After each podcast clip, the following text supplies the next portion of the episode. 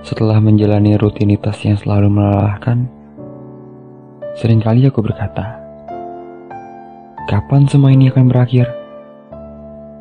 Akankah secepat menghabiskan uang bulanan? Atau selambat melupakan? Karena yang aku tahu, waktu berputar begitu lambat. Dan terkadang, begitu cepat. Ketika waktu berputar lambat, rasanya sangat kesal. Ketika waktu berputar cepat, aku malah merasa sesal. Entah apa yang membuatnya mengganjal. Rasanya harapan seakan hanya sebuah bualan. Dan seketika itu membuatku takut.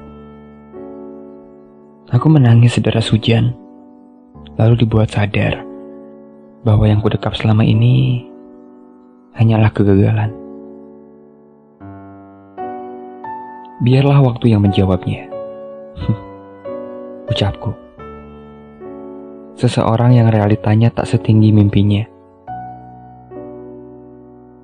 Padahal aku tahu, waktu tidak pernah menjawab sedikit pun. Dan justru, waktulah yang menungguku untuk menjawabnya. Lalu apakah sesal menunjukkan sebuah akhir?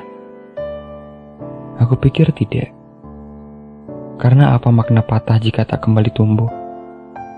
Apa makna hilang jika tak berganti? Aku masih punya mimpi.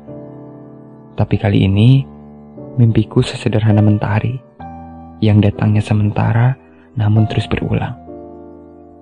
Ya, Cukup. Cukup dengan mengganti, secepat melupakan, dan selambat menghabiskan uang bulanan.